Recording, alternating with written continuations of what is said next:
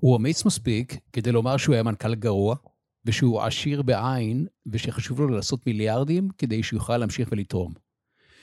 יש לו תשוקה מטורפת לאופנה, ולא, הוא לא גיי. מה שהכי חשוב לו שתפיקו מתוך ההקשבה אליו, היא ההכרה של לעשות טוב חוזר בריבית. שיחה אישית כנה ופתוחה עם אבנר סטפאק, מבעלי בית ההשקעות מיטב. על מה שחשוב באמת, ששום כסף לא יכול לקנות, על הקשר מיוחד עם אבא צבי, וגם על אחת ההחלטות הכי טובות שקיבל, וזה להפוך את ביתו לבית אומנה לילדים. אני מאמין שזה יהיה מרתק. פתיח ומתחילים.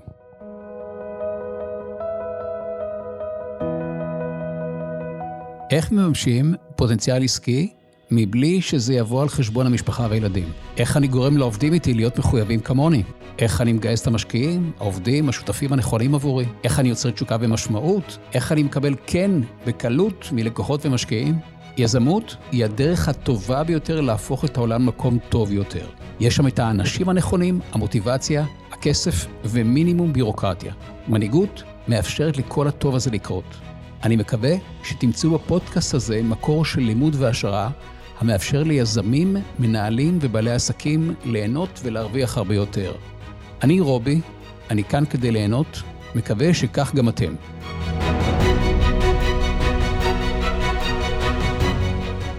בוקר טוב. בוקר טוב. מה שלומך, רובי? נהדר, מצוין. רגוע. אתה עוד תהיה טכנאי הקלטות, אל תדאג. יש לך עתיד גדול, אני רואה את זה. תודה, תודה, טכנאי סאונד. די, תמשיך. כן. אה, קודם כל, זה מאוד מרגש אותי לעשות משהו בפעם הראשונה. כן. אז אני אוהב לעשות דברים שמעולם לא עשיתי, אז פודקאסט זה אחד מהם. יפה. ואני שמח מאוד לפגוש אותך, כי uh, מתוך המעט שלמדתי עליך, אתה אדם מרשים בעיניי. Thank you. Uh, ואני רוצה לשאול אותך שאלה מאתגרת. Uh, אלה ששומעים אותנו עכשיו, למה כדאי להם להישאר איתנו? מה הם יפיקו מהפגישה בינינו? אז מעבר לזה שאני מקווה להיות אדם מעניין באופן כללי, אני חושב שמבחינה יותר מעשית, אני מקווה לחלוק תובנות שיפגשו אנשים במקום מעשי לחיים שלהם, בין אם זה עכשיו כשהם שומעים או בכל מיני הזדמנויות בעתיד, שהם פתאום יזכרו, אה, כן. אה, גם בהקשר העסקי, אבל לא רק. אני מרגיש שיש לי המון דברים שלמדתי על הבשר שלי. אני, אני מאוד מאמין בללמוד מאחרים. אני כל החיים שלי אמרתי, אוקיי, אם אני לא חייב לשלם את השכר לימוד ועדיין יכול לקבל את המסר ואת התוצר ואת הלקח וכולי, אז תמיד זה עדיף. בטח בדברים שליליים, משברים, אה, דברים מהסוג הזה. אבל לא רק. אני, כמו שאני לא חושב שאני, אה, כן, לא מסתכל על עצמי כאיזה משהו שהוא יודע הכל, בלה בלה בלה וכולי, ואני לומד מאחרים, אז אני חושב שיש גם מה ללמוד ממני, ואני מקווה שאני אהיה מעניין ומעשי. אני אגיד לך מה לי הדבר הכי חשוב שיפיקו מהפגישה בינינו. Mm-hmm. הדבר הכי חשוב שאני אשמח שיפיקו זה את ההבנה העמוקה אה, למה להיות טוב משתלם כלכלית. אוקיי.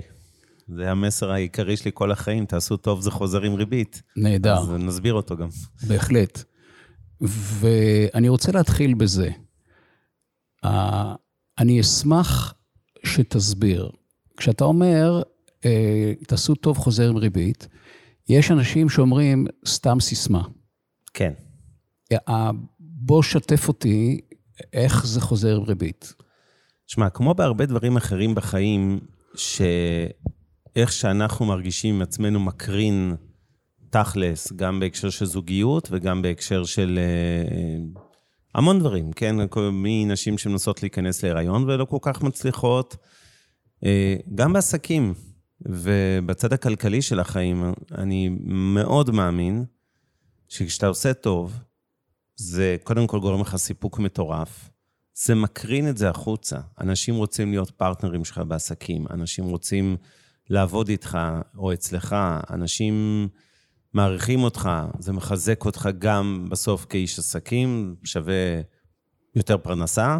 זה לא מחסן אותך ממשברים, אני לא, כן, איזה מטיף באיזה כת שאומר, וואלה, כל היום רק תעשו מצוות ואתם תהיו עשירים, זה לא בדיוק ככה. אבל יש קורלציה חזקה אני מאוד, כאילו, רואה את הכהן, למשל, את ההשוואה של זה, כמו שאמרתי, לזוגיות, לאנשים שהם לא בזוגיות, או בתחילת זוגיות וכולי, והביטחון העצמי, הרבה מאוד דברים שאתה מקרין החוצה, בסוף קובעים האם תצליח גם, או לפחות אם תהיה לך זוגיות, ת, וגם תן לי פה. דוגמה, תן לי דוגמה. אתה יכול לתת לי דוגמה איך עשיית הטוב באה לידי ביטוי בהתנהלות העסקית שלך? בהארד-קור? אמ, כן, כמה דוגמאות זריזות. אמ, אחד, יש, אנחנו בשנת 22, מלחמה באוקראינה. אני לא יודע להסביר, היה לי איזה צורך עז מאוד להיכנס להרפתקה הזאת שנקראת אוקראינה ולעזור שם. בשונה מדברים אחרים שנקרא לזה גם התראיינתי אליהם בעבר, או סיפרתי עליהם בתחום החברתי, על זה לא דיברתי כמעט בשום מקום. פשוט עשיתי. עכשיו, מה זה עשיתי? אה, ארגנתי תרומות גדולות במיליוני שקלים, כולל כמובן של מיטב ושלי אישית, והלכתי להביא, אה, לקנות אוכל בכל מיני ספקים גדולים בפולין וגרמניה, ולהעביר משאיות לתוך אוקראינה, ומצד שני להוציא אנשים. המון אנשים. מדהים אתה. מילדים... למה זה לך חשוב? לא יודע, היה לי איזה ארג' כזה שאמרתי, לא יכול להיות, אתה יודע, ש... ש...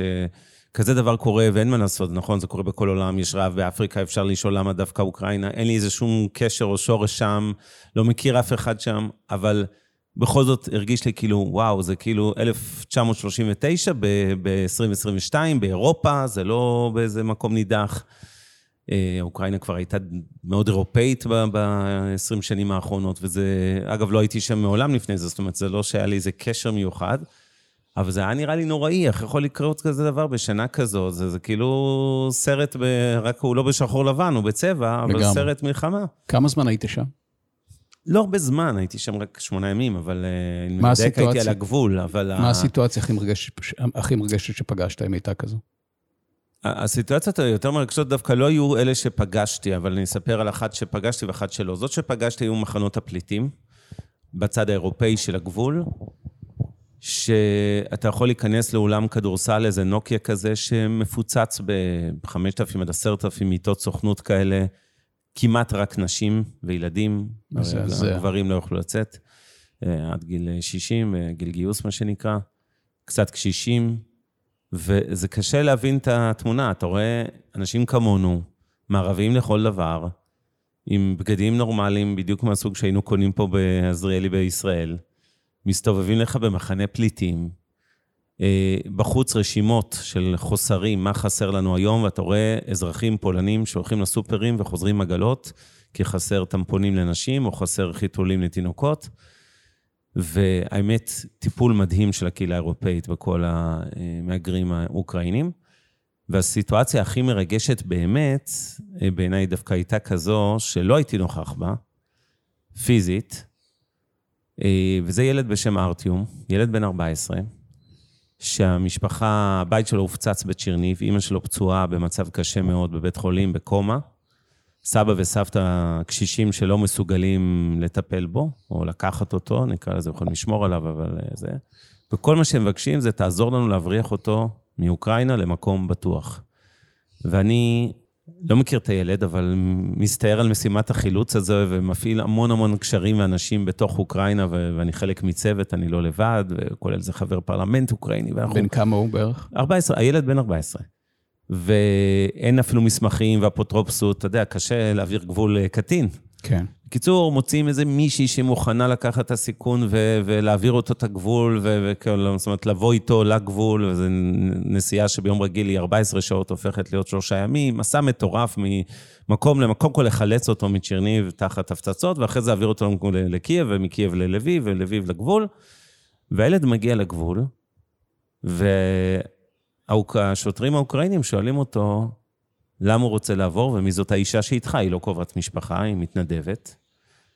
אז על האימא, על האישה, הסבתא הזאת שליוותה אותו, מאיימים שתביא בחשבון שאם את חוצה איתו את הגבול וחוזרת לבד, אז את תואשמי בחטיפת ילד וכולי, דברים, עבירות פליליות. אז היא כבר משקשקת. ומצד שני, שואלים את הילד, אמ, מה אתה רוצה, למה אתה רוצה לעבור את הגבול? הוא, אומר פתאום, אני לא רוצה, אני רוצה לחזור לאימא שלי, אימא שלי פצועה בבית חולים, ו, ו, ו, ואני לא חושב שזה רעיון טוב שאני אעבור את הגבול, והוא מתחרט.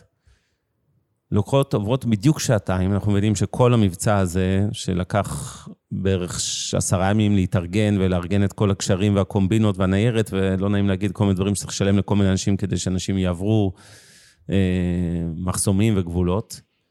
ופתאום הוא, הוא מחרבן, סליחה, את האירוע הזה ומכי משפט אחד לא נכון לשוטר, ואחרי שעתיים הילד מתקשר בוכה, שהוא מצטער והוא כן רוצה לעבור את הגבול, אבל זה כבר אבוד.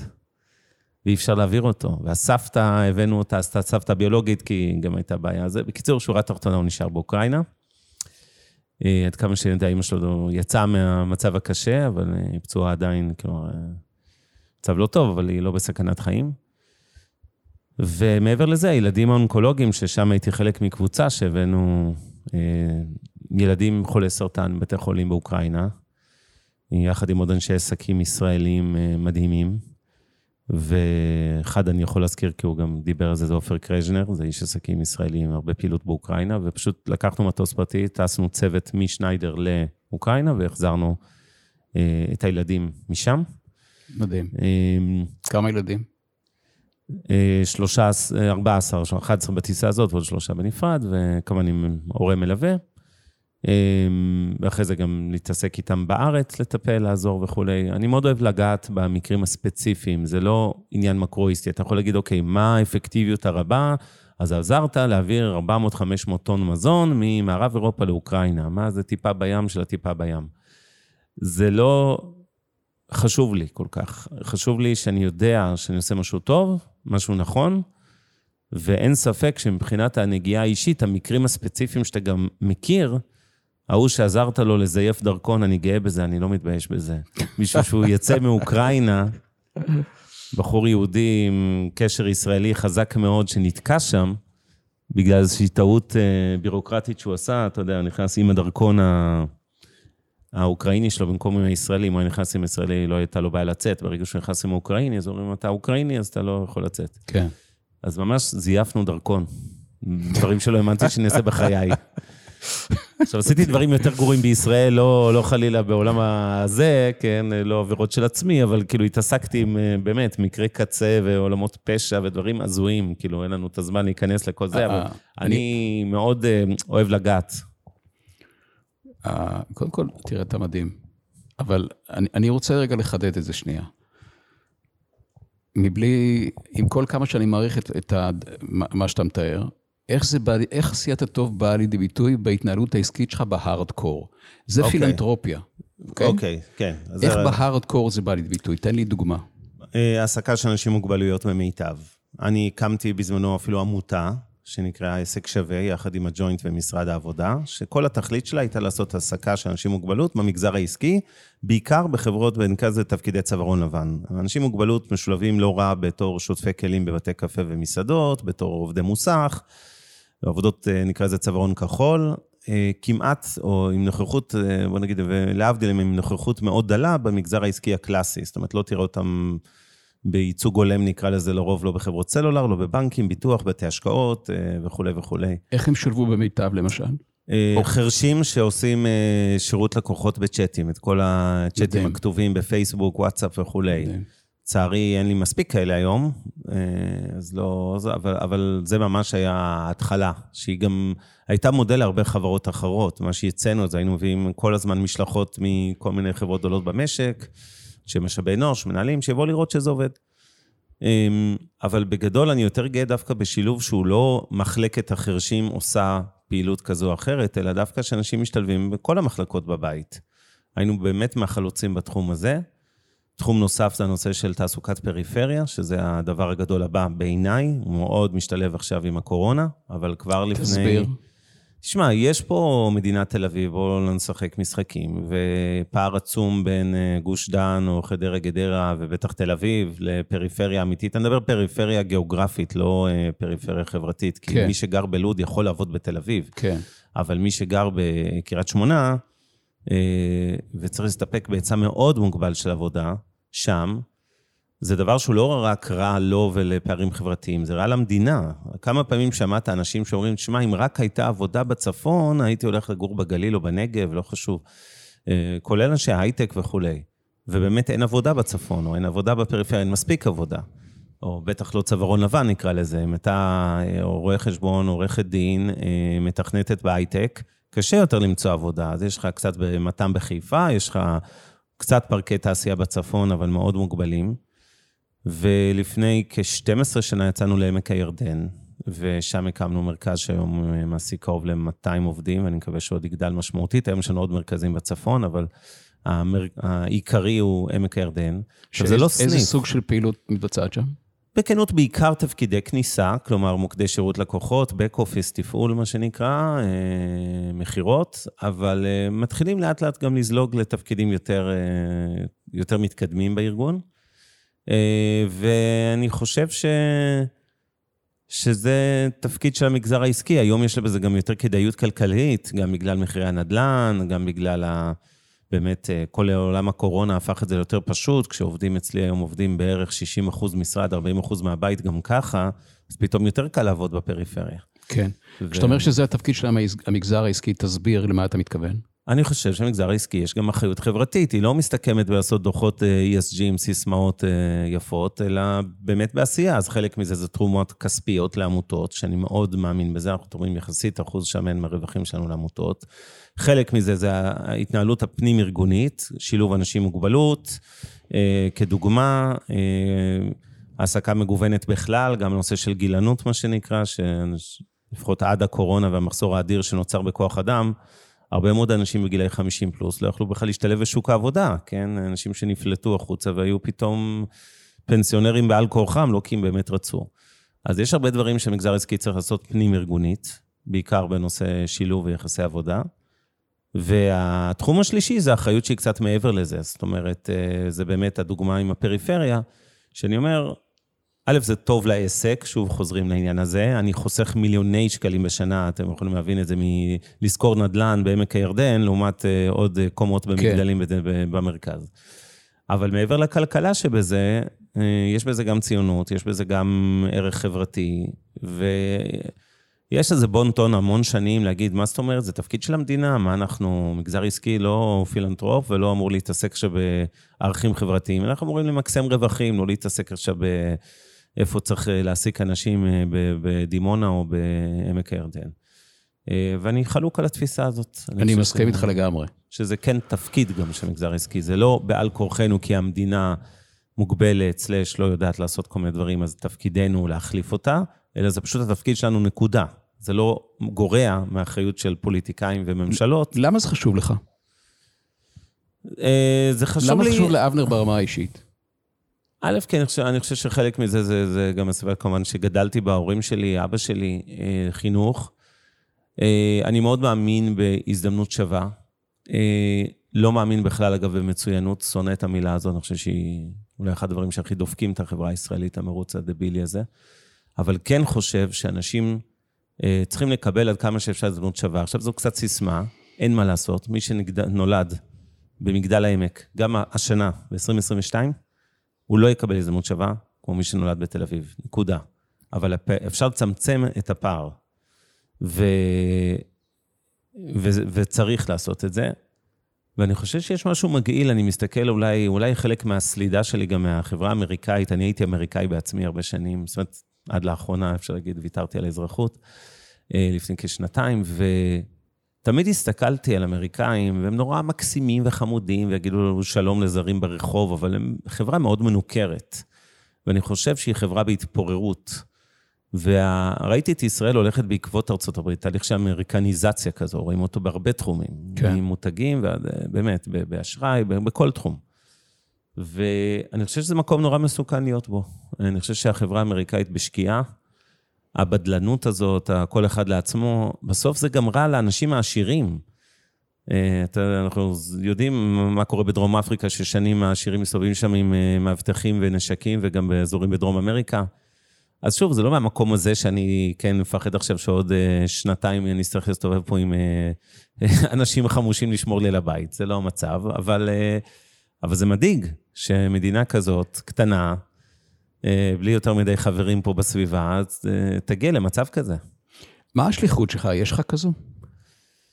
אה, כן, אני חושב שהשליחות שלי לעשות תיקון חברתי. אני מאוד מאמין, אני, אני,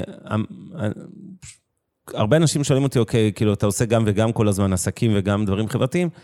המטרה שלי בעסקים היא לעשות מיליארדים על מיליארדים של כסף, כדי שאני אוכל לתרום את רובם. זאת המטרה. אני אומר לכם בשיא הכנות, אין לי שום כוונה להשאיר לילדים שלי ולא לאשתי, שיבדלו כולם לחיים ארוכים ומעולים. אין לי שום כוונה להשאיר שם פה מיליארדים, הם לא צריכים את זה. אני לא אעשה, כן, חלילה לא יהיו עניים, כן, לא לדאוג. אבל כאילו, באמת, אני חזיר, אני רוצה לעשות ערימות של כסף כדי שאני אוכל לתרום אותו. לא מתבייש. אני מת עליך. אני מת עליך זה שאתה יודע להגיד את האמת בלי למצמץ. כן, לא, אני לא מתבייש, אני לא, אני לא מנסה להתייפייף, אני באמת, באמת, באמת רוצה להרוויח כסף, זה לא סותר. הרבה פעמים אנשים אחרים, אה, הוא כאילו מתעסק בדברים חברתיים, אז אולי הוא איש עסקים יותר כושל, כי הוא מרוויח פחות. לא, אני רוצה להרוויח, ואני גם מרוויח, לא רק רוצה, אה, יותר כסף, וזה יעזור לפעילות החברתית, לשינוי. אנשים שואלים את עצמם, אלה שמקשיבים עכשיו, זה איפה עומדים בתור? איפה התור? כי אבנר רוצה להחזיר, אז בוא נעמוד בתור. כן, אמ, אל תדאג, לא, לא חסר. יש... Uh, uh, אני, אני רוצה לשתף אותך. כן. קודם כל, גם לי יש שליחות. והיא. אתה רוצה לדעת מה היא? בטח. כן. יש בה שני מרכיבים. אחד זה, זה... אני מפיץ שתי בשורות. אחד זה בשורת הטוב, ושתיים זה בשורת המנהיגות. כן. אני רוצה רגע להתעכב על הראשונה, על בשורת הטוב. יאללה. Um, אני חושב שרוב האנשים מבינים שלעשות טוב מרגיש טוב. כן. פחות מבינים שלעשות טוב משתלם כלכלית, ברמת כן. חשבון הבנק. ועוד פחות יודעים לעשות את זה תכלס בפועל. כן. ואני טוען שבעל עסק שלא מבין שתפקיד שלו לעשות, להפוך אותה למקום טוב יותר, מפסיד ביג טיים. פעמיים. נכון. אחד, את איך שזה מרגיש, ושתיים, את הכסף הענק שיש שם. ואני רוצה רגע לחדד את מה שאתה אומר, שלעשות טוב חוזר בריבית. אני רוצה להציג לך כן. עוד פרספקטיבה. יאללה. אתה פתוח לעוד פרספקטיבה? בטח. תראה, רוב האנשים, אין להם מושג על מה הם משולמים, על מה משלמים להם. רוב האנשים. רוב המעסיקים אוחזים באשליה שהם משלמים משכורת על העבודה, על הזמן, על התוצאות. אוקיי. Okay. רוב השכירים חושבים ככה גם. מסכים. רוב העצמאים מאמינים שמשולמים על השירות, על המוצר וכ- וכזה. עכשיו, כשאדם אין לו מושג על מה הוא משולם, וזה רוב האנשים, אז זה עושה לו נזק פעמיים. בפעם הראשונה יש אפשרות שאדם לא מספק את הסחורה, כי אין לו מושג על מה הוא מתוגמל. ובפעם השנייה הוא מוכר את עצמו בזול. כן. עכשיו, אם אני שוכר עובד, למשל איש מכירות, או אה, מנהל מכירות, על מה אני משלם לו? על התוצאות? אני לא רוצה את התוצאות, אני רוצה את הערך המוסף שהתוצאות מביאות לי לחיים. Mm-hmm. זאת אומרת, אם אני הבוס, מה שאני רוצה בעיקר זה שקט. אני רוצה כן. הנאה, אני רוצה שמחה. נכון. וזה לא מדיד, ובמילה אחת אני קורא לזה ערך. רוב האנשים לא מבינים שהם מתוגמלים על הערך המוסף שהם מביאים.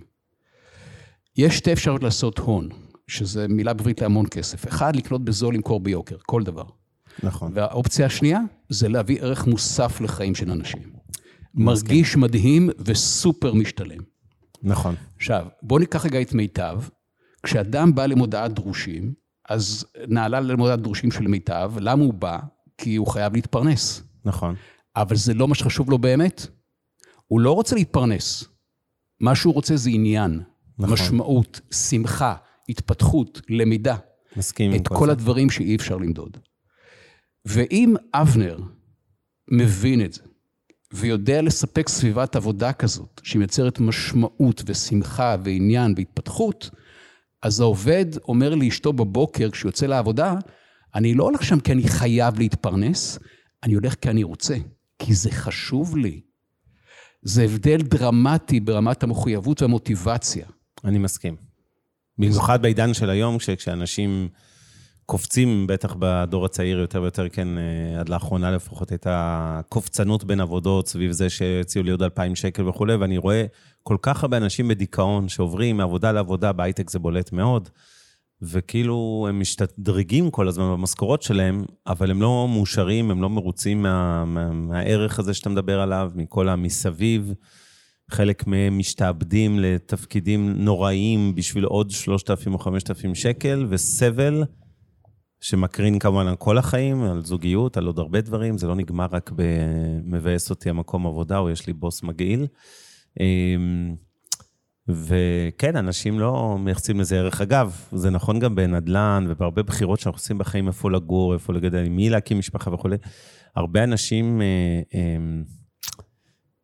עושים את הבחירות במקומות הלא נכונים, נקרא לזה ככה, ולא משיגים את הערך הזה שאתה מדבר עליו, הוא לא רק מעבודה, הוא מושג מכל דבר. ו... בעל עסק שעסוק בלמקסם רווחים, ברוב המקרים מפסיד כסף. כן. בחלק קטן מהמקרים יעשה הרבה כסף, יישאר מתוסכל. כן. כי את, מה, את הדברים החשובים באמת, שום כסף לא קונה. הדברים החשובים באמת זה משמעות, שמחה, אהבה, חברות. נכון. שום כסף לא קונה. מסכים לגמרי. יש המון אנשים מצוינים שיודעים לעשות המון כסף והם עושים, אבל הם לא יודעים לעשות את זה. כן. והתוצאה היא שהם חיים חיים של תסכול, פספוס נכון. והחמצה. אגב, הרבה מאוד מהאנשים העשירים, זה ידוע, אה, בדיכאון, ממש. אנשים שנותנים תרופות, אנשים שמתאשפזים. זה לא איזה הבטחה, אה, קורלציה, כן, כזאת אה, חזקה בין זה שאתה עשיר לבין זה שאתה מאושר. במידה מסוימת מחקרים אפילו מראים די הפוך. אני רוצה לשאול אותך שאלה אישית ישירה, מרשה כן, לי? כן, בטח. האם אתה מאושר? כן, 90 מ-100. מדהים. כן. מה הופך אותך לאדם מאושר? הגיוון הרב של כל הדברים שאני מתעסק בהם, גם בשדה העסקי, גם החברתי, גם הפוליטי, גם התחביבים שלי. השילוב הזה שאני multitasker כזה וטועם מהכל, זה שאני עסוק מהבוקר עד הערב בהמון דברים, ועסוק זה לאו דווקא בקריירה ועבודה, כן? או לעשות כסף. עסוק זה יכול להיות לקחת את הילד לכל מיני fun, או לא משנה. במה שחשוב לך. כן, בדיוק. כן. וכן, מהיכולת לבחור, שאני מודה, כאן היא כן קשורה לכסף, כי כשיש לך כסף אתה יכול להחליט על סדר היום שלך, על אה, להחליט שאתה פתאום יוצא לחופשה ואתה לא צריך את האישור של הבוס, והרבה מאוד דברים שאני לא אתמם. כסף מאוד עוזר בחיים, יכול לעזור, אם מנצלים אותו נכון, נקרא לזה גם ליצירת עושר. חלק מזה זה למשל, לתרום אותו, שזה מייצר לך עושר דרך סיפוק אישי ממה שאתה עושה. אבל זה לא רק זה, גם זה הנאות החיים הרגילות, כן? והיכולת הגמישות הזאת, היכולת שאתה, אה, שלך לשלוט בזמן שלך ולהחליט שהיום לא בא לך ללכת לעבודה, למרות שכביכול אתה אמור, ואדם אחר יכול להיות חייב אה, לקבל אישור, ואולי לא יקבל מהבוס, ויצטרך ללכת אה, חמוץ פנים בבוקר לעבודה. גם לזה יש משמעות, אני לא אכחיש, אבל בגדול, זה הרבה דברים שהם לא קשורים אה, ברובם לכסף, גם אם הכסף עוזר. מה הופך אנשים למאושרים? אה, תשמע, זה, אין מדד ממש, אבל בגדול, אם ניקח את החמש, שבע חזיתות העיקריות, חזית אולי זו לא המילה הנכונה, אבל... תחומים. תחומים העיקריים של החיים שלנו, כי חזית זה מלחמה, אנחנו לא במלחמה, אה, של אה, באמת זוגיות, קהילה, קריירה, תחומים מהסוג הזה, וכאילו... בגדול, בעיניי, זה לא שאלה של ציון אבסולוטי, אלא יחסי. ולא יחסי ביחס לחברה, אלא ביחס לעצמנו. זאת אומרת, אם נעשה מדד עושר שיכלול את כל המרכיבים האלה, והוא מ-0 עד 100, אדם שהתחיל ב-20, כי הוא היה במקום גרוע, הוא נולד במשפחה קשת יום, ואלימות במשפחה, ובפריפריה, וכלכלית וכולי, יכול להיות שהציון הכולל שלו, נקודת פתיחה שלו הייתה 20. לא מבחינה כלכלית, גם מבחינת מדד העושר אני מדבר, כן? אבל בגדול, כל עוד אנחנו מגמת עלייה על הגרף הזה של החיים, אנחנו כנראה נהיה אנשים מאושרים. זה לא משנה אם הגענו מ-20 ל-60 או מ-60 ל-90. מה שחשוב זה שהיינו במגמת עלייה, כמובן, זה לא, אה, כן, פיקדון אה, עם ריבית כזה שכל שנה מקבלים אה, רק במגמת עלייה, יש תנודות, יש משברים לכולנו, גם לא משנה מה הרקע שלנו. אבל העיקרון הוא להיות במגמת עלייה, ולכן אני מודד את זה ביחס לעצמי, ולא רק, ב, או בעיקר לא ביחס לאחרים. זה לא מעניין אותי שהוא עושה יותר כסף, או שהוא יש לו אישה, לא יודע מה, וילדים אה, כביכול מדהימים, כולם אה, פרופסורים אה, איינשטיינים. אני, אני רוצה לשתף אותך מה בעיניי הופך אנשים למאושרים באלף. כן. אתה רוצה לשמוע? בטח. תראה, זה מאוד פשוט. אושר באלף זה משהו שכולם רוצים. רוב האנשים לא נמצאים שם. לא נמצאים שם כי מעולם לא לימדו אותם איך עושים את זה. כן. זו הסיבה היחידה. לא כי הם לא חכמים או אין להם יכולות, ההפך הגמור. החברה המערבית היא חברה שהרגש הכי נפוץ בה זה תסכול. כן. התסכול הוא תולדה של המשפט הבא, יש פער גדול בין המקום שאני נמצא למקום שחלמתי להיות. רוב האנשים מסתובבים התחושה הזאת, של הפער. כן. שאני לא ממש את הפוטנציאל, את הכישורים ויכולות שלי. נכון. ומה שהופך, התסכול הוא תולדה של היעדר שליטה על החיים. זאת אומרת, אני קם בבוקר לעבודה שלא ממש אוהב. אני נמצא במערכת זוגית שהיא פשרה כזה, mm-hmm. וזה יוצר תסכול, זה יוצר מרירות, זה יוצר עצב. ברור. מה הופך אנשים מאושרים? יכולתו של אדם לשלוט על חייו, לנהל את חייו. תראה, אני מאושר כבר הרבה שנים, אבל אני אספר לך איפה הייתי עד גיל 40. כלומר, אני מחלק את החיים שלי לשניים, עד גיל 40 ואחרי גיל 40. אוקיי. Okay. אני עד גיל 40 הייתי אדם מתוסכל, אומלל, מריר, כועס, עצבני. Uh, הייתי בעס, היה לי עסק, העסקתי עובדים, עשיתי את זה כי אני חייב להתפרנס. הייתי בזוגיות עם אישה נהדרת, אבל היו שם מלא אתגרים, והיה לי רע. אוקיי. Okay. היה לי רע. ומה השתנה בגיל 40? Um, אמ, קיבלתי את המתנה של הלייף. זה הצעדים הראשונים שעשיתי בעולם האימון. Mm-hmm. והדבר היחיד שהשתנה, זה בעצם שני דברים. אחד, ההבנה שלי שאני לא מבין כלום. כן. זה קרה רק בגיל 40. ושתיים, ההבנה שיש כלים ודרך שאני לא מכיר. עכשיו, זה מבחינתי המעמד הר סיני. כן. ההבנה שכל מה שאני מכיר זה, בלבול, זה בולשיט, ואני רוצה להעיף את זה ולהכיר דברים אחרים שלא, שאני לא מכיר. זאת אומרת, פעם כן. ראשונה שהופיע התלמיד שאני, עם תשוקה מטורפת ללמוד, ורכשתי שורה של כלים ומיומנויות שאפשרו לי לשנות הכל בחיי, אבל הדבר הכי חשוב זה למדתי אני להשתנות. אני לא דומה בשום צורה לאדם שהייתי עד גיל 40, בשום מובן. והיכולת שלי לשלוט ולנהל את חיי, כלומר, ליצור מערכת זוגית שיש בה חברות ואהבה, ליצור עיסוק שיש בו תשוקה ומשמעות, ליצור מערכות יחסים עם עומק ועניין, הופך אותי לאדם מאושר. ואושר, באלף, זה בעיניי מיומנות פשוטה שכל אדם יכול ללמוד, אם הוא פתוח ללמוד וחשוב לו ללמוד. תשמע, אני חייב להגיד לך, זה, אתה, אתה מתאר את זה קצת פשוט, אבל אני אספר לך מהחוויה שלי.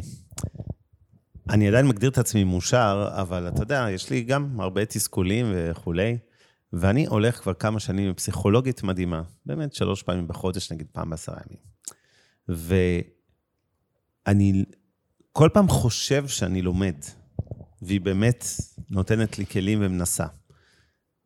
ו, וגם כשנדמה לי שלמדתי, והפנמתי, ושיניתי התנהגויות וכולי, אני חושב שהיכולת הזאת ללמוד, שאצלי כנראה חלשה, ואצלך כנראה הייתה מוצלחת בגיל 40, היא חלק מהמתכון, זאת אומרת, לא כל אחד יכול לצאת מהתסכולים האלה, לא כל אחד יש לו את האירוע הזה, או לאו דווקא אירוע בגיל 40, את השינוי הזה, ואני יושב שם, ואני עובד איתה על איזשהו נושא שמציק לי בחיים, ואני מטפל בו שנתיים, ואני מנסה להיות יותר טוב בזה, ואז אני חוטף איזה פצצת אה, אטום לפרצוף ומבין שאני לא הרבה יותר טוב בזה כמו שחשבתי, וזה לא תמיד קל לי להבין את זה.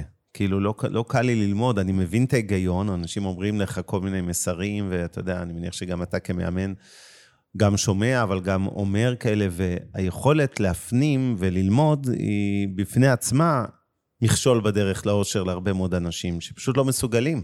דיברנו לפני הזה על הזה, אני לא מסוגל לקרוא ספרים, למשל.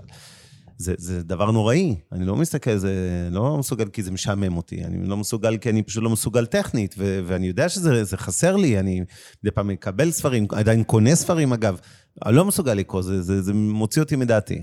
לא יכול, לא משנה הסבר, לא אה. ניכנס, אבל זה, אי אפשר. אני, אני רוצה אה, לעבור לנושא אחר, אם אתה מרשה כן, לי. כן, בטח. בשיחה המקדימה בינינו, אמרת לי שככל שהארגון גדל מיטב, כך גיליתי שאני מנכ"ל גרוע. ברור. עכשיו תקשיב, תראה, אתה... בטח קורה לך כל בוקר שאנשים אומרים לך, תשמע, הייתי מנכ"ל רע. כן, נכון? כן, לגמרי, פעמיים ביום. בטוח, כן. תראה, זו אמירה אמיצה, וכנה באופן מעורר השראה. אה, איך הגעת? בוא תסביר את זה. אוקיי, כלומר, איך הגעת למסקנה אה, שאני מנכ"ל גרוע? קצת רקע. אה, אבא שלי מקים את מיטב לפני 40 ומשהו שנה, אני ילד קטן, מגיל מאוד צעיר עובד בעסק הזה, והחלוקה בינינו תמיד הייתה שהוא היה יותר, נקרא לזה שר החוץ, המותג, איש התקשורת, מול הלקוחות, ואני יותר שר הפנים. תמיד הייתי בצד הניהולי יותר של, של, של מיטב, מגיל מאוד צעיר, ומיד אחרי צבא גם חזרתי לפול טיים כמובן במיטב, ו, וניהלתי עובדים. וכשהחברה הייתה קטנה, 30 איש, 80 איש, 150 איש וכולי, אני חושב שהייתי מנכ"ל מעולה, מנהל טוב.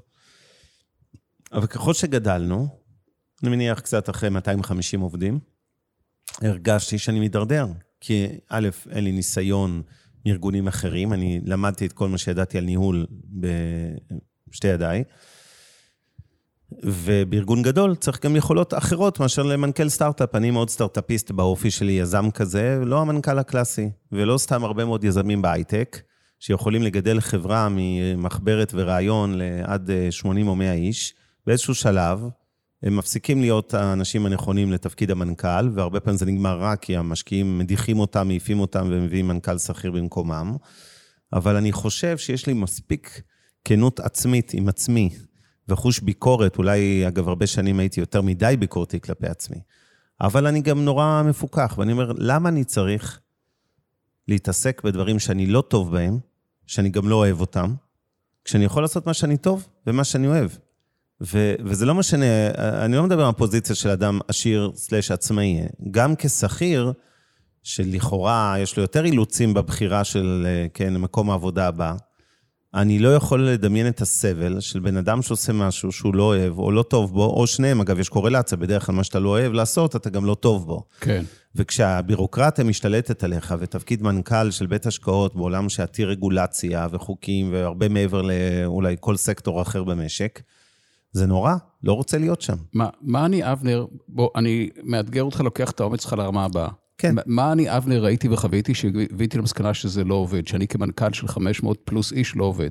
שא', שנוזלים לי עם דברים בין הרגליים ברמת uh, משימות חשובות, שאני מוצא את עצמי מתעסק במיקרו במקום במקרו, כלומר בטקטיקה במקום אסטרטגיה, בזה שאני שהייתי אלוף העולם, ואני עדיין אלוף העולם במיזוגים, רכישות, עסקאות, אני באמת באמת טוב בזה.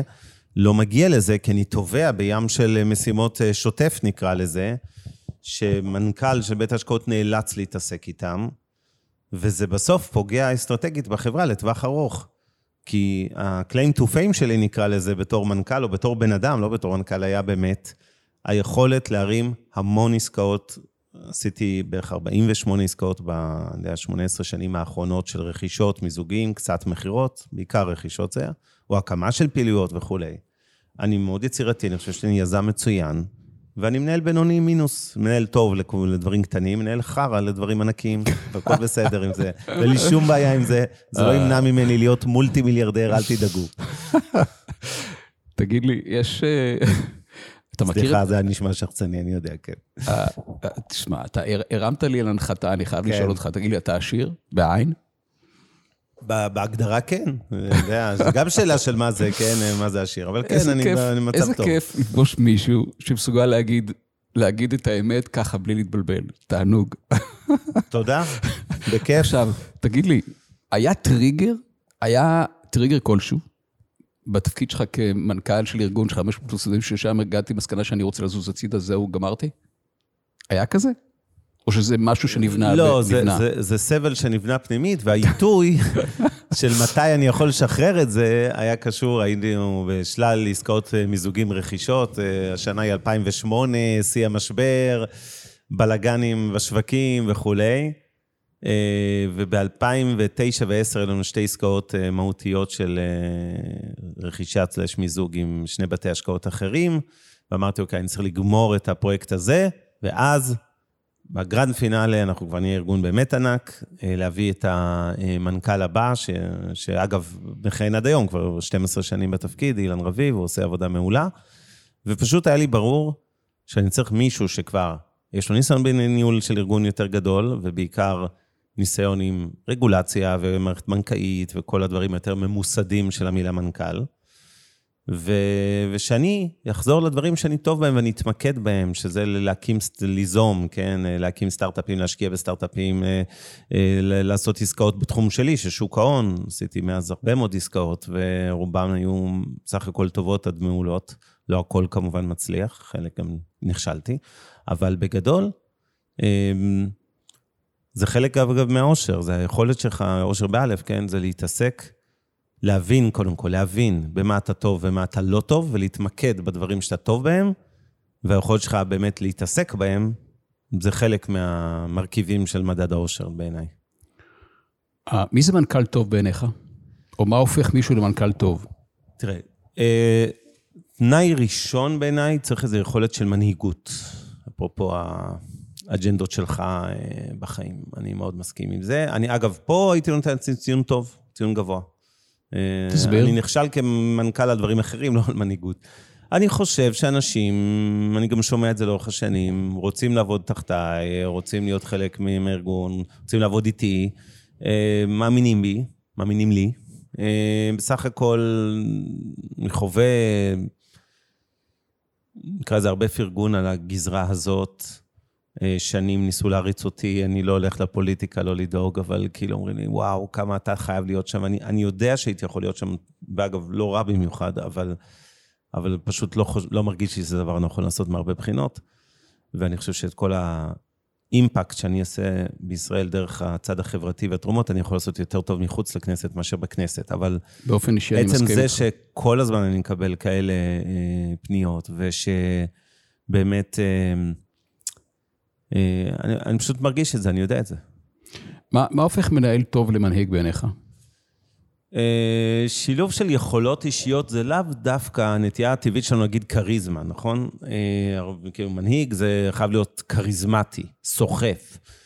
שמע, הכרתי הרבה מנהלים שהם קצת צנונים, נקרא לזה, ב- ב- באישי, והם עדיין מצליחים להנהיג. אז זה לא, אין מתכון אחד מוצלח למנהיגות, יש זנים שונים של מנהיגים טובים. אמ, יש כאלה שזה כן מגיע יותר מגזרות הכריזמה, יש כאלה שזה מגיע פשוט מהביצועים שלהם, שאנשים עוקבים ואתה רואה שם, וואו, הוא משפר את הרווחיות של החברה שהוא ממנכ"ל כבר כמה שנים, הוא עשה מהלכים עסקיים חכמים, אה, נכנס לארה"ב, נכנס לשוק האירופאי והצליח שם. אה, זאת אומרת, זה יכול להיות במבחן התוצאה, שבונה את המנהיגות שלך, זה יכול להיות מבחן הדרך, של איך אתה מתייחס לאנשים שאיתך, שביום-יום. אמ, איך אתה יודע שמנהיגות נוכחת? איך אתה יודע שמנהל הוא מנהיג? איך, אתה, איך זה בא לביטוי במבחן התוצאה? לדעתך. אמ, אני מנסה לא לתת דוגמאות, זה קשה לי פשוט. אה, על עצמי אני מוכן לדבר חופשי, ואתה יודע, לתת על האחרים זה יותר קשה. אז דבר עליך. לא, אני חושב, לא, אבל, אז, אבל על עצמי זה קשה רק מזווית שזה, כל דוגמה כזו ישר נראית נורא שחצנית, אבל... אה, אה, אני אגיד לך מה דעתי בעניין הזה. אני אתן לך, טוב, כן. דבר. אה, תראה, כשמנהיגות נוכחת, אז כמו כל דבר בחיים, זה בא איתו מבחן התוצאה. במבחן התוצאה רואים דבר נורא פשוט. רואים קבוצה של אנשים שמוכנה לשלב ידיים יחד למען מטרה משותפת. בדיוק. אז אני רוצה לתת דוגמה על מישהו אחר, קל לי, בסדר? כן.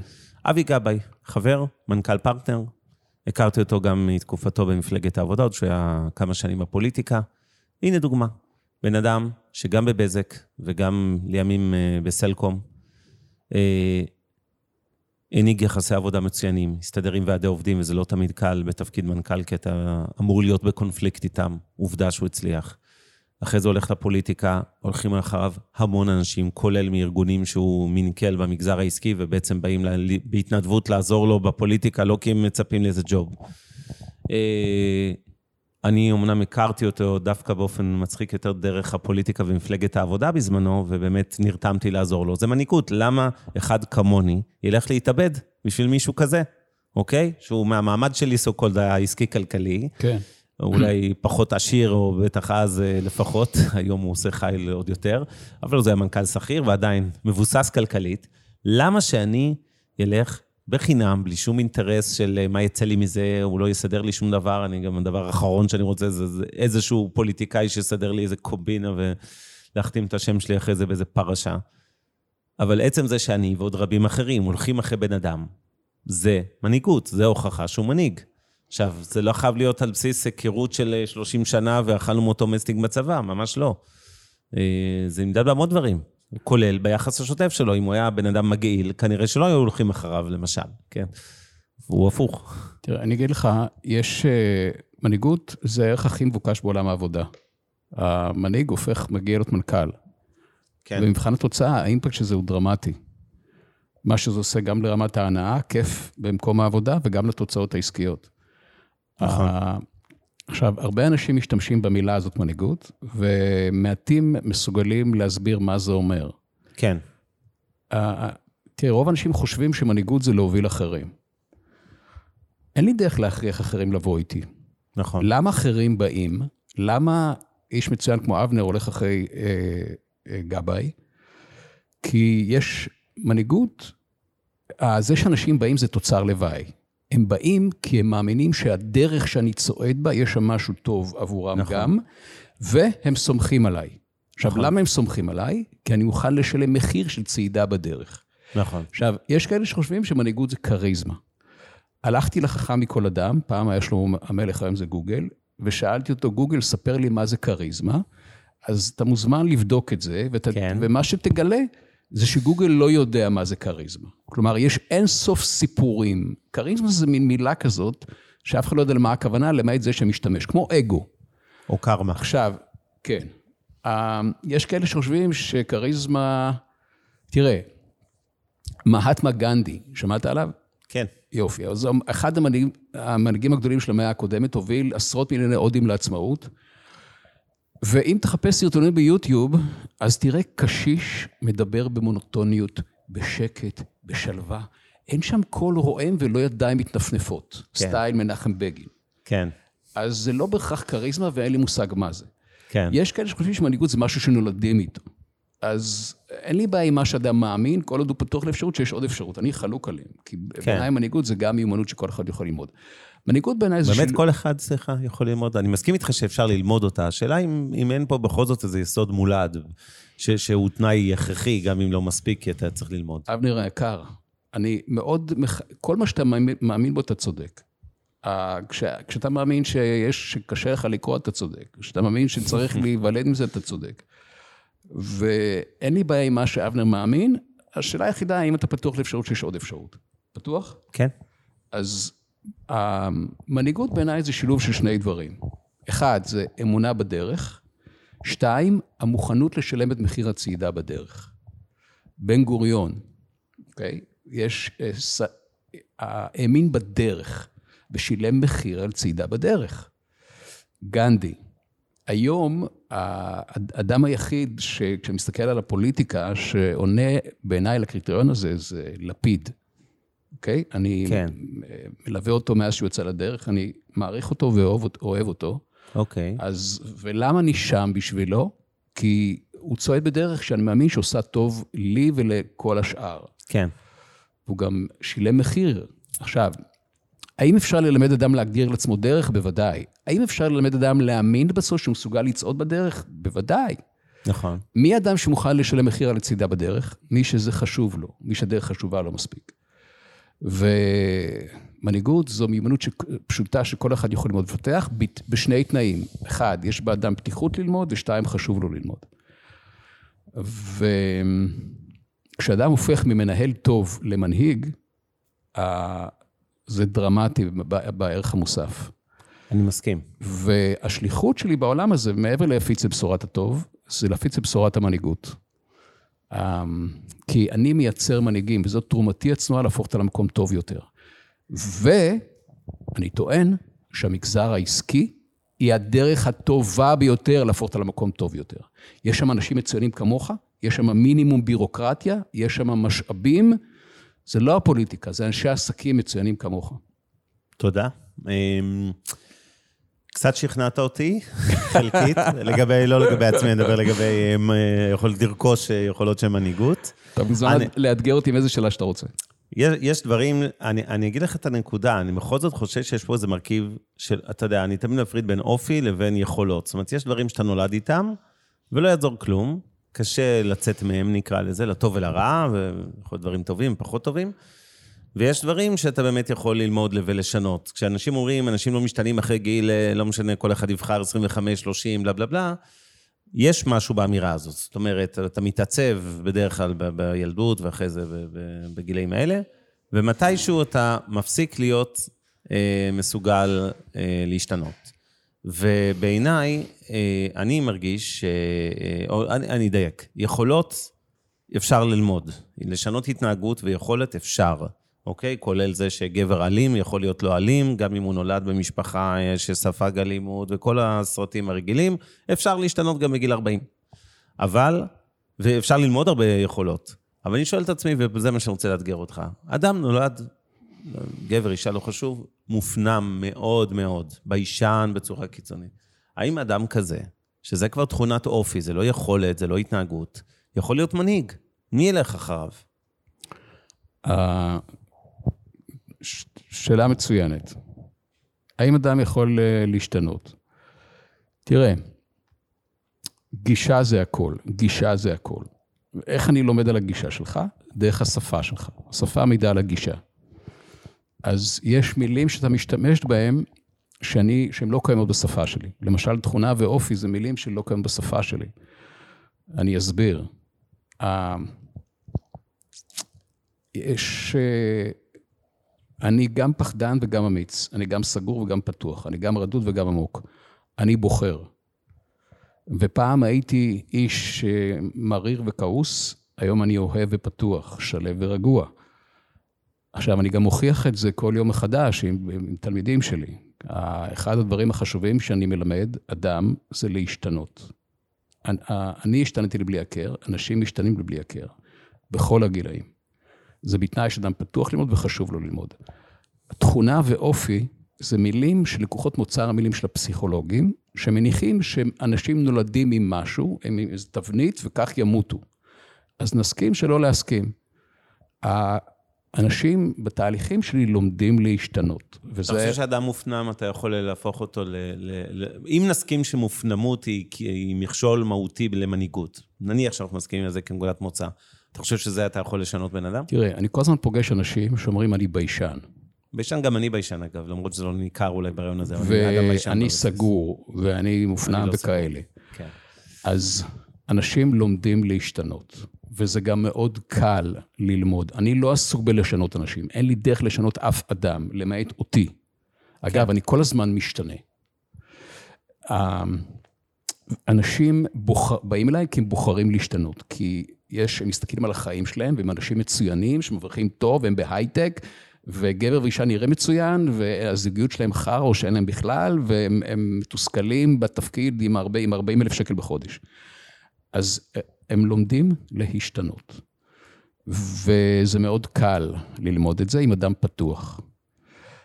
אה, אני רוצה לשאול אותך עוד שאלה אישית, כן, אם אתה מרשה לי. בטח. מה מביא אותך לשכב על ספת הפסיכולוג? וואו, אם זה... אתה מוכן לשתף. בטח. אה, קודם כל, זה, זה לא נושא אחד, זה הרבה נושאים. אני מאוד מאוד מאמין בזה שאנשים צריכים ללכת לטיפול, נקרא לזה, לא משנה אם זה ספת הפסיכולוג, ספת המאמן, ספת אה, כל מיני דברים אחרים. אה, כי אני צריך לפעמים, א', פרספקטיבה חיצונית מאנשים שהם לא קשורים לחיים שלי, שזה לא אה, אשתי מיכל, וזה לא ילדים שלי, וזה לא חברים קרובים מאוד שיש לי, שאיכשהו מעורבים גם בחיים ובסיפורים עצמם מבפנים.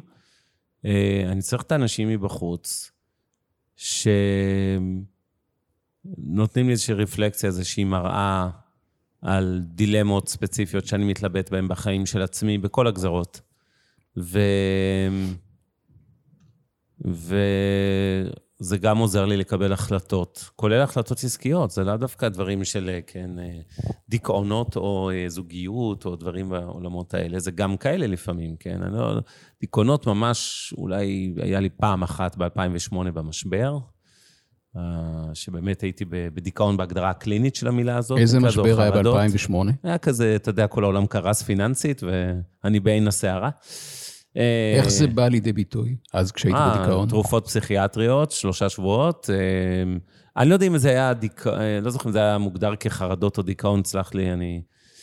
הדחקתי את הפרק הפסיכיאטרי כן. הקצר הזה בחיי. זה לא הגיע לרמה של אשפוז או זה, אבל בהחלט הייתי בשלושה שבועות קשוחים מאוד. תחושה שהעולם חרב עליי, ולא יהיה מיטב ולא יהיה כלום, ואני צריך לפטר את כל הארגון, וכמובן לא קרה, כן, אבל באמת היו ימים סוערים. מעבר לזה, אה, מעולם לא חוויתי כאלה, אבל בוודאי שחוויתי משברים, תקופות לא טובות, גם אם זה לא מתבטא בדיכאון בהגדרה הקלינית של המילה דיכאון. מה מה הפקת, ו- מה אתה מפיק מהתהליך הזה שם? גם רגיעה, אה, איזון, פרופורציות לחיים. לפעמים יש דברים קטנים שאני, אותי מטריפים, ואני חושב שכל העולם הולך, אה, לא יודע מה לקרות, ובאה פסיכולוגית מהצד, ואומרת לך, נותנת לך את הכלים להבין שרגע, מה, כאילו, בחייאת, כאילו, על מה אתה מדבר? מה אתה עושה כזה סצנה, איזה דרמה מכלום ושום דבר? ואני קצת אה, דרמה קווין.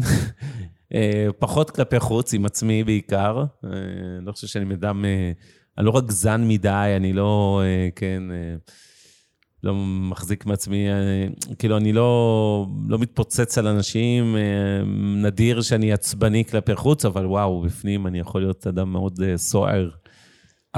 איך הקשר עם אבא? מצוין, חזק. תס- תסביר.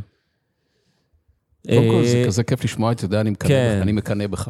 תשמע, אני אגיד לך, זה מעניין, כי יש לי המון פרספקטיבה על נושא משפחות ודור שני ושלישי בעסקים, כי אתה יודע, כשאתה בעלים של בית השקעות גדול ואתה מכיר הרבה ממשפחות העושר הישראליות, ואתה רואה את כל הסרטים והסיפורים, לא רק אלה שבעיתונות ברכילויות ותביעות וכולי, אלא באמת קשה לאנשים להסתדר הרבה פעמים דור הילדים, עם ההורים שלהם, כשהם עובדים ביחד כל כך צמוד. אני חושב ש... מה שקרה, קודם כל, אבא שלי היה דמות, אה, הוא עדיין שיחה, לא, לא בלשון עבר, בן- בן כמה הוא? צעיר ובריא. הוא 76, אבל הוא בריא והכל טוב, הוא עובד פול טיים במיטב, אבל זה גם עניין של אה, אה, מודל לחיקוי, בן אדם שגדל למשפחה ענייה, בלי אבא מגיל מאוד צעיר, מפרנס מגיל 13-14 אה, ומתפרנס, אה, באמת בנה את עצמו מאפס. אני סוג של דור אחד וחצי, נקרא לזה, לא גדלתי כעשיר, אבל כבר כמובן לא הייתי במקום שהוא אה, נולד בו, אני גדלתי ברמת גן, בשכונת הגפן. מה יש בו בצבי שהופך אותו למודל לחיקוי בעיניך? צניעות מדהים. אה, גדולה מאוד. אה, אני חושב שחלק מהדברים החברתיים, העיסוק שלי, מגיע ממנו לראות שהוא לא היה דוגמה בהיבט הזה שהוא לא יכל, הוא לא יכל לתרום כסף, הוא לא יכל אה, לעשות פעילות, הוא היה עסוק בשלוש משרות בערך במקביל, מיטב עוד הייתה איזה חנות מכולת מפסידה, אז הוא בעיקר התפרנס מהוראה, הוא היה מורה בתיכונים, בחולון ובאנקורי, בתל אביב. ו... מה עוד חוץ מצניעות הופך אותו למודל לחיקוי? מנסה לחשוב, לא מעולמות הכסף, אה, זה גם סוג של מנהיגות. מאיזה עולם שאתה רוצה. לא, אני אומר, כאילו, מעולם הכסף זה גם הצניעות וגם העניין הזה שלא עלה לו, באמת, לא עלה לו השתן לראש, ואתה יודע, לא משנה כמה שלא הצלחנו לאורך השנים, הוא לא... הוא כאילו... שאל אותו, זה מצחיק, הוא, הוא היה לאחרונה ושאלו אותו אם איזה רכב אתה נוסע, הוא לא יודע איזה רכב. עכשיו זה פולקסווגן פסאט, כן? הוא לא נוהג, כן, זה אימא שלי. אז אימא שלי מחזיקה פולקסווגן פסאט, אני מתבייש להגיד, היא בטח חמש שנים על הכביש, אם לא יותר כבר. וכאילו, הם לא... כאילו, זה באמת לא מעניין אותו. זה בן אדם שלא כן. היה טס ביזנס עד לפני כמה שנים, שהוא חווה לראשונה, לדעתי, את המחלקה הזאת. אבל מצד שני, זה לא קמצנות, זה לא, זה לא. מאנשים שכן, ברור. זה אף פעם לא היה חסר כלום וכו'. זה לא מעניין אותו. לא מעניין אותו. זה הגדרה טובה, לא כן, מעניין אותו. כן. ומצד שני, דבר נוסף, לא מצד שני, זה באמת היכולת שלו, שאני לקחתי ליותר אקסטרים, של אה, להגיד את מה שהוא חושב ולעשות מה שהוא מאמין בו, גם כשזה נגד האינטרס שלו. זאת אומרת, אה, לאורך השנים הוא כתב לא מעט טורים, שלא עסקו רק בשוק ההון וכלכלה, שזה סבבה, אתה יכול להגיד, זה עוזר גם לעסק, בונה חלק מבניית מוניטין, אלא בעניינים פוליטיים, בכל מיני נושאים. אני לקחתי את זה ליותר אקסטרים ממנו אפילו. את שנינו צריך אה, לפעמים לרסן, כן? אני מסוגל להיות מאוד אה, בוטה ואגרסיבי בשיח הפוליטי, נגיד, אוקיי? ו... או להתאבד על נושאים שהם לא בקונצנזוס. אני זוכר שתמכתי באיזה מקרה של יל, ילדי פליטים, אה, עובדים זרים בדרום תל אביב, שהיו על סף גירוש, פיליפינים, ו... וכאילו, והזדהיתי רשמית, ומכתב המנכ"לים, וכתבתי זה הרבה, ועשיתי כאילו, עזרתי לעשות מזה רעש וזה, וקיבלתי הרבה ריקושיטים מגעילים כאלה, כן? כולל אני אוציא את הכסף שלי ממיטב, אני מקבל את זה, אגב, כל, כל בוקר תפתח את הטוויטר או את הפייסבוק, ותראה תגובות אלימות שלי עם כל מיני אנשים על פוליטיקה, אז אתה, כאילו, אנשים אומרים לי, מה, זה לא, זה לא מתאים, אתה, אתה אמור להיות כאילו אדם שמרן וסולידי, וכאילו, אתה בעלים של חברה גדולה, אתה לא יכול להתבטא ככה. אז זה לא מקלל אומנם, אבל אני יודע להיות... בוטה כשזה, כשאני מרגיש את הצורך, ו- ולא אכפת לי. גם אם בן אדם אומר לי שהוא יוציא את הכסף כי הוא נורא כועס, מי ישמע, כן, שאני איזה שמאלן קיצוני, ימני קיצוני, אני, כן, תומך מפלגת העבודה, גאה בזה, הכל בסדר. ועדיין אני סופג לפעמים על הקשקוש הזה, את ה... זה, אני אקח את הכסף שלי, בלה בלה בלה, ואז אני אומר לך, חכה, תעשה לי טובה, תן לי להתקשר רק למנהל סניף בנק שלי, להכין אותו, שאתה מוציא את הכסף ממיטב. כאילו, בציניות כזאת, אה, קצת מרושעת, אבל אה, אין מה לעשות. אה, מגיע להם. אז אני חושב שהיכולת שלו, אולי אני קצת הקצנתי איתה, אבל היכולת שהוא לא כמוני בהקשר הזה, אבל כן, היכולת שלו ללכת עם דברים שהוא מאמין בהם, גם כשאין לזה או אפס תועלת או נזק, נקרא לזה ככה. וגם הדוגמה האחרונה שאני רוצה לתת זה הנושא של החינוך. זה בן אדם שהיה קם בחמש בבוקר בשביל ללמד אותנו לבגרויות, עכשיו, הוא היה מורה להיסטוריה בעיקר, קצת אה, מקצועות נוספים, בהיסטוריה ואזרחות זה הפורטה שלו, הוא גם אפילו כתב על זה ספרים וכולי בזמנו, של לבג... הכנה לבגרויות. והיכולת שלו לקום בחמש בבוקר, ליתר דיוק, הוא קם בארבע בבוקר בשביל לקרוא את ה... לא משנה אם זה חומר בספרות או במתמטיקה, לקראת הבגרות של הילדים שלו, וללמד אותנו אחרי זה שעות בבוקר. אה, כאילו ללמוד את כל החומר בשביל שהוא יוכל ללמד אותנו, וכולנו הצלחנו בתחום הזה, האחים שלי שניהם עם תואר דוקטורט, אני הכבשה השחורה. אה, אבל אה, כן, זה, זה היה... איך השיח שלך איתו? האם הוא כן גלוי פתוח? לא מספיק גלוי. גם עם אימא שלי, אגב, אפילו פחות. כאילו, היחסים הם מצוינים, שלא יובן אחרת, אבל... לא גדלתי בבית שבוא נגיד, אה, כל היום, לא היה שיח פתוח כמו שאני למשל מיישם מהילדות שלי. הילדות שלי, אני יודע הכל. אני חושב שאני יודע הכל. הן לפחות מספרות לי הכל. אה, הבנות. אה, ו... וגם הקטן, הוא עוד קטן, הוא בן שש, אבל ברור לי שהוא יהיה סופר, אה, סופר פתוח איתי. אנחנו יחסים באמת נדירים מדהים. של אבא ובן. עכשיו, ו... אתה מבין שזה קורה כך כי יצרת את זה, אין מקריות, כן. זה כי יצרת את זה. נכון, זה לא משהו, נגיד, שהייתה לי דוגמה מהבית. זאת אומרת, זה לא היה... כאילו, זה, אני לא הלכתי להתייעץ עם הורים שלי על זוגיות ועל החברה הראשונה ועל כל מיני דברים כאלה, זה לא היה... נוכח כל כך. אתה יודע להגיד לאבא את הדברים, את כל מה שאתה אוהב ומעריך בו, למשל? כן, א', הוא בטוח ישמע את זה היום, שוב. אה, כן, אני חושב שאני יודע, אני חושב שהוא מבין את זה ויודע את זה, כן. יכול להיות שגם אני לא מספיק פתוח בכיוון ההפוך, כן, של להגיד את הדברים.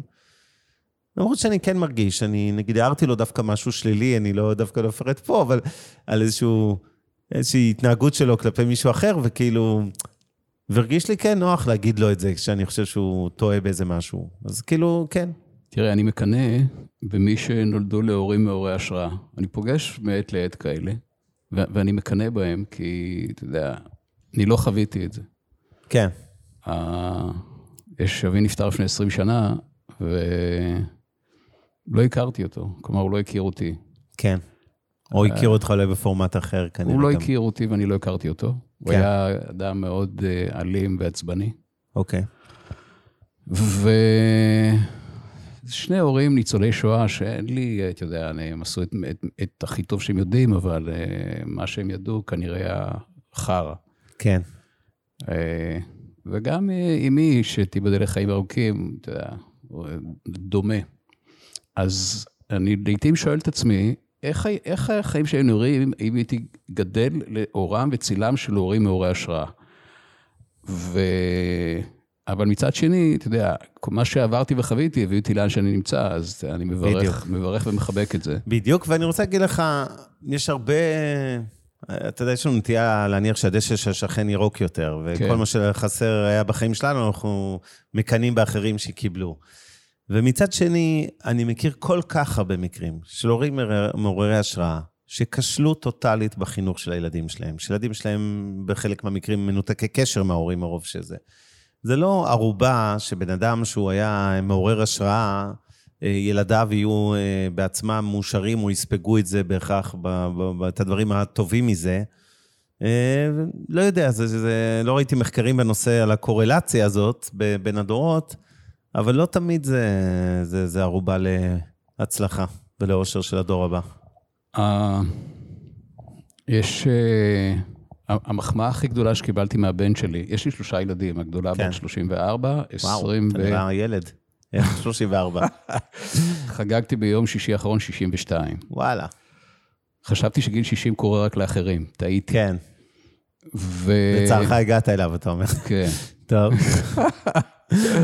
עכשיו, תראה, זה מעניין, כי בגיל 40 עשיתי שינוי מאוד גדול, ועכשיו, בגיל 60, אני גם עושה שינוי מאוד גדול. שהפודקאסט זה אחד מהם. כן. הספר שיצא לאור שנה שעברה זה עוד אחד מהם, אני עושה שינויים מאוד גדולים. עכשיו, אז גדולה של 34, שחר בן 31 וקטנה בת 27. אוקיי. והמחמאה הכי גדולה שקיבלתי מהבן שלי, זה שהוא אמר לי, אבא, אתה מעורר השראה עבורי. כן. עכשיו, אני אומר את זה ויש לי דמעות. אני רואה, אה. כן. הם לא רואים, אני רואה, אתה צודק. יש לי דמעות. ואני אומר לך שדקות ארוכות לא הפסק לבכות. ישב, אני, זה ילווה אותי לשארית ימיי. ישבנו על, על הספסל בתי בתל אביב, כן. מול סניף ארומה, שם שתינו קפה. כן, כן. ודיברנו עלינו, ואז הוא אמר לי את המשפט הזה. איזה כיף. וואו, אני פשוט נשפכתי בבכי דקות ארוכות. אני לגמרי מזדהה, לא היה לי עד כדי כך, אבל היה לי אירוע דומה לאחרונה דווקא, הבת שלי מאיה, שהיא בשנת שירות, היא הבת הבכורה, והיא אה, כזו, היא לקחה ממני הרבה דברים, לשמחתי, את הצד, לזה התנדבותי, והיא בשנת שירות בצפון, והיא באיחוד החקלאי, זה תנועת הנוער של המושבים, והיא פעילה כזו כבדה, כבדה, כבדה. ואז היא, יום, היא לוקחת אותי לפני איזה חודש ומראה לי לקראת הקורס מד"צים והמחנה קיץ, שהיא הכינה פעולה שאני הנושא. והסיפור שלי באוקראינה, וכל ההתנדבויות שלי, וכאילו, כאילו, וואו, זה היה כזה כיף לקרוא את הטקסטים, אתה יודע, זה, זה כאילו, של מה היא כותבת עליי, וכאילו מספרת את זה הלאה, וזה, וזה בדרך כלל זה לא מקובל כל כך, אבל כאילו, זה עשה לי ממש ממש טוב. לגמרי. Uh, לאן אני, אבנר, הולך? מה, מה, החלום, מה החלומות של אבנר? מה החלום שלי, אם יש כזה? Um, חלום אחד כבר נגענו בו קודם. אה, תזכיר לי. זה הנושא של לעשות הרבה הרבה הרבה כסף, כדי שיהיה לי הרבה הרבה מה לתרום, ולהשפיע ולשנות. אה, חלום שני זה להגשים את עצמי בעולמות תוכן אחרים שמעניינים אותי, שהם לא רק שוק ההון, להראות לעצמי שאני יכול להצליח בעוד תחומים. לדוגמה? שוק האופנה, זה תחום שמרתק אותי מאוד מאוד מאוד. אה, אנחנו מדברים כבר, תראי, אנחנו מדברים כבר, אני יודע כמה זמן, כמה? שעה? יותר? לא יודע. אה, הזמן עובר איתך מהר, עכשיו 25 ל-11. כן. אה, אז השוק הזה מרתק אותי, אני אפילו למדתי אותו מאוד מאוד... מה מרתק אותך שם בקצרה? היכולת לבנות לייצר ערך כלכלי בעולם של מותגים, זה העולם הכי קשה שיש. להמציא מותג, שהוא יצליח. אה, במקרה שלי אני בעיקר באזור ה fashion-tech, העולם של טכנולוגיה בתוך האופנה. אה, כאילו, מה גורם לזה שמעצב א' עכשיו בעלייה חדה, בזמן שמישהי אחרת מתרסקת, או הפוך? אני מאוד חי ונושם את אה, שוק האופנה, אני כותב על זה, אני נוסע ל fashion weeks, למדתי במילאנו איזה תקופה, כמה קורסים קצרים ככה, יותר ב executive, מה שנקרא, של האופנה. אה, זה שוק שהוא מהמם בעיניי. אה, אומנות וכסף ביחד זה חיבור מנצח. אז זה עולם שני שמעניין אותי. העולם השלישי... מה היית רוצה ליצור שם? בתחום הזה? זה לאו דווקא לבנות uh, מותג, תשמע, זה שוק קשה מאוד, uh, מאוד מאוד קשה. זה דעה. שאתה אתה צודק, כל מה שאתה מבין, אתה צודק. לא, זה, זה סטטיסטית, זאת אומרת, אחוזי הצלחה בעולם הזה הם נמוכים, אני לא מדבר רק בישראל. זה נכון לגבי כל עולם. אז בעולם הזה יותר קשה. אוקיי. אבל uh, כן מעניין אותי uh, לעשות uh, רפורמות טכנולוגיות, נקרא לזה, בעולמות האלה. Uh, הייתי שותף גאה ליעל ויזל, מנכ"לית של זיקית, חברה שמכרנו שנה שעברה לוולמארט בכמעט 200 מיליון דולר, בעסקה באמת בוננזה. אה, חברה שעסקה בטכנולוגיה בתחום האופנה, היינו מצלמים אותך ומזהים את המידה ואת הגזרה, ומראים לך איך אתה בעצם לבוש בבגדים, כאילו, כן. חדר הלבשה וירטואלי כזה. כן. ויש לי עוד אחת בדרך, אני מקווה. אה, ו... וזה עולם שמעניין אותי, אין לי יותר מדי זמן לעסוק בו, הוא יותר לנפש, הוא יותר תחביב, אבל תחביב שגם אני עושה ממנו, נקרא לזה, מקווה לעשות ממנו אה, עוד כסף, עד היום בהחלט הוא האיר לי פנים. והתחום המרכזי, נקרא לזה, זה תמיד יישאר התחומים החברתיים, ושם הרבה פעמים האתגרים והדברים שמעניינים אותי הם המיקרו, ולאו דווקא המקרו. זה לא עניין של איך אני משנה, למשל, את הפריפריה בהקשר של תעסוקה. תן זה דוגמה, גם תן חשוב. דוגמה למיקרו. שהייתי משפחת אומנה, שאני מתעסק במקרה קצה, יש מישהי שאני מלווה שבעלה ממש מתאמץ לרצוח אותה אה, כבר תקופה, כבר שנים. ו, וככה אני עוזר לה ברמת, אה, כאילו, לכלך את הידיים, זאת אומרת, אני כן. הלכתי איתה לעימות מולו במשטרה, ואני כאילו עוזר לה בכל מיני הקשרים, כמובן, של מטיפולים, ו... למה זה חשוב לך? זה, זה, זה סיפוק אדיר, הידיעה שאני יכול לשנות חיים של אנשים. עכשיו, ברור שיש גבול, אני לא יכול להציל את כל העולם, ואני לא משלה את עצמי. כן. אז יש לי איזה חמישה מקרים קשים שאני בקישקע שלהם, ובקישקע זה לא להעביר כסף בביט רק ליופי, צריך טיפול פסיכולוגי לילד או לא יודע מה. כן. זה באמת להיות מעורב ברמה עמוקה. הבן שלי הוא חבר הכי טוב של הילדים שלה, ואנחנו נפגשים מדי פעם, ו... וזה זה חוזר אליי, אני מרגיש שזה... מה, מה החוויה הכי מרגשת ומשמעותית שיש לך משם? אה, לראות מישהי ש... היא לא הגיעה משום מקום, אבל היא הגיעה ממקום מאוד חלש, נקרא לזה ככה. בלי רקע של לימודים, בלי רקע של עבודה, היא הייתה בן הזוג של הרוצח בפוטנציה, זה הוא אדם שלפחות היה מבוסס כלכלית. מבוגר ממנה בפער משמעותי. אה, הכיר אותה כשהוא היה בן 40, היא בת 20, התחתנה צעירה וככה די מהר עם שני ילדים, ודי מהר נכנסה למעגל אלימות נוראי. בחורה סופר אינטליגנטית אגב. ואתה רואה איך היא יוצאת מזה, ואיך היא משדרגת את החיים שלה, וקמה על הרגליים שלה, ובכנות זה בעיקר בזכות עצמה. ברור שזה שאני נותן לה יד ועוזר לה, זה, זה עוזר. זו החוויה בוא, הכי משמעותית. בסוף זה היא. וזה חוזר אליך גם עם ההשראה, שאתה אומר, אם בן אדם מצליח לצאת ככה מהבוץ כמו שהיא יוצאת, מהמקום באמת הכי נוראי, אני שמעתי את ההקלטות של בעלה, וראיתי באמת דברים מזעזעים שהם מזעזעים, התחתית של החבית, כמו שאומרים. אם היא מצליחה להרים את עצמה ללימודים, לקריירה, למקומות כאלה, אז עזוב רגע את התרומה הצנועה שלי והסיפוק שנובע לי, זה גם, זה גם מוקד השראה הפוך. זאת אומרת, כשאתה רואה אותה, ואתה אומר, וואלה, מכל דבר. אם היא יכולה לצאת מזה, אז גם אני, אם אני אפול יום אחד לאיזשהו משבר, לא משנה באיזה תחום בחיי, גם אני אוכל לצאת. הנה, היא עשתה את זה. וכמוה יש עוד כמה דוגמאות. אתה רוצה לשמוע את החוויה הכי משמעותית שלי? כן. תראה, אה, רוב התלמידים שלי זה אנשים שיש להם לכאורה הכל. אה, אה, יש להם לכאורה הכל חוץ מדופק. אה, נולד, אתה משפט יודע, קשוח. כן. נולדתי, נולדתי בגיל 40, כלומר, היה לי הכל, אבל לא היה לי דופק. כלומר, התחלתי לחיות בגיל 40, אני חי רק 22 שנים, וואו. לגישתי. ויום אחד אה, אני מקבל אה, שיחת טלפון ממספר שלא לא, לא מאנשי הקשר שלי, ואיזו גברת בצד השני שואלת אותי, זה רובי? כן. אומרת לי, מי את? אני אה, נועה שם בדוי, בסדר? מהמם. מה מביא אותך להתקשר אליי? רציתי להגיד לך תודה. תודה על מה? תודה שהחזרת לי את הילד. עכשיו, ה- הילד הוא מעל 30, יש לו אה, תפקיד בכיר, מרוויח המון, ואני שואל אותה, למה הכוונה? אה, מעולם לא היו לנו שיחות, ומעולם לא שמעתי ממנו שהוא אוהב אותי. זו פעם ראשונה שאני שומעת את זה ממנו. ובאים אל אנשים בגלל תסכולים בתחום המקצועי-עסקי, או בתחום הזוגי. אני לא נמצא במקום שחלמתי להיות, אבל המקום הכי מרגש, כשאדם לומד להשתנות, זה מה זה עושה לקשר עם הילדים שלו. זה הכי מרגש אותי. כי אה, יש, אה, יש שם איזה ילדים שהם אף פעם לא אשמים בכלום, כן. שצומחים לאורם של אה, הורים אה, מתוסכלים, ואני יודע מה זה עושה לילד הרך הזה, שהוא צומח אצל אדם מעורר השראה. שהופך מכעוס עצבני לשלב ורגוע, לאוהב, לפנוי ולזמין עבורו, לסובלני, לאדם שמעיף את הביקורת ומביא לימוד, ויודע להביא אהבה, ויודע להביא מילים טובות. זה הכי מרגש אותי. יש עוד משהו שחשוב לך שנדבר עליו, שלא דיברנו עליו? אני יכול לדבר איתך עוד מלא זמן. כן, יש לנו. כי אתה אדם מרתק בעיניי. כן. אה, אני אגיד, אמ,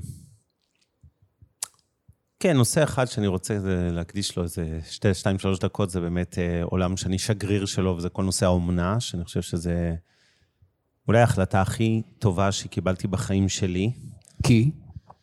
כי הילד שלקחנו כילד אומנה, שהגיע בגיל שבעה חודשים, הכניס לחיים שלי ושל המשפחה אור מטורף. אסור לי, לצערי, לספר את כל הסיפור ומה קרה איתו הלאה, אבל אה, אני, אני רק ארגיע שהסוף הוא טוב.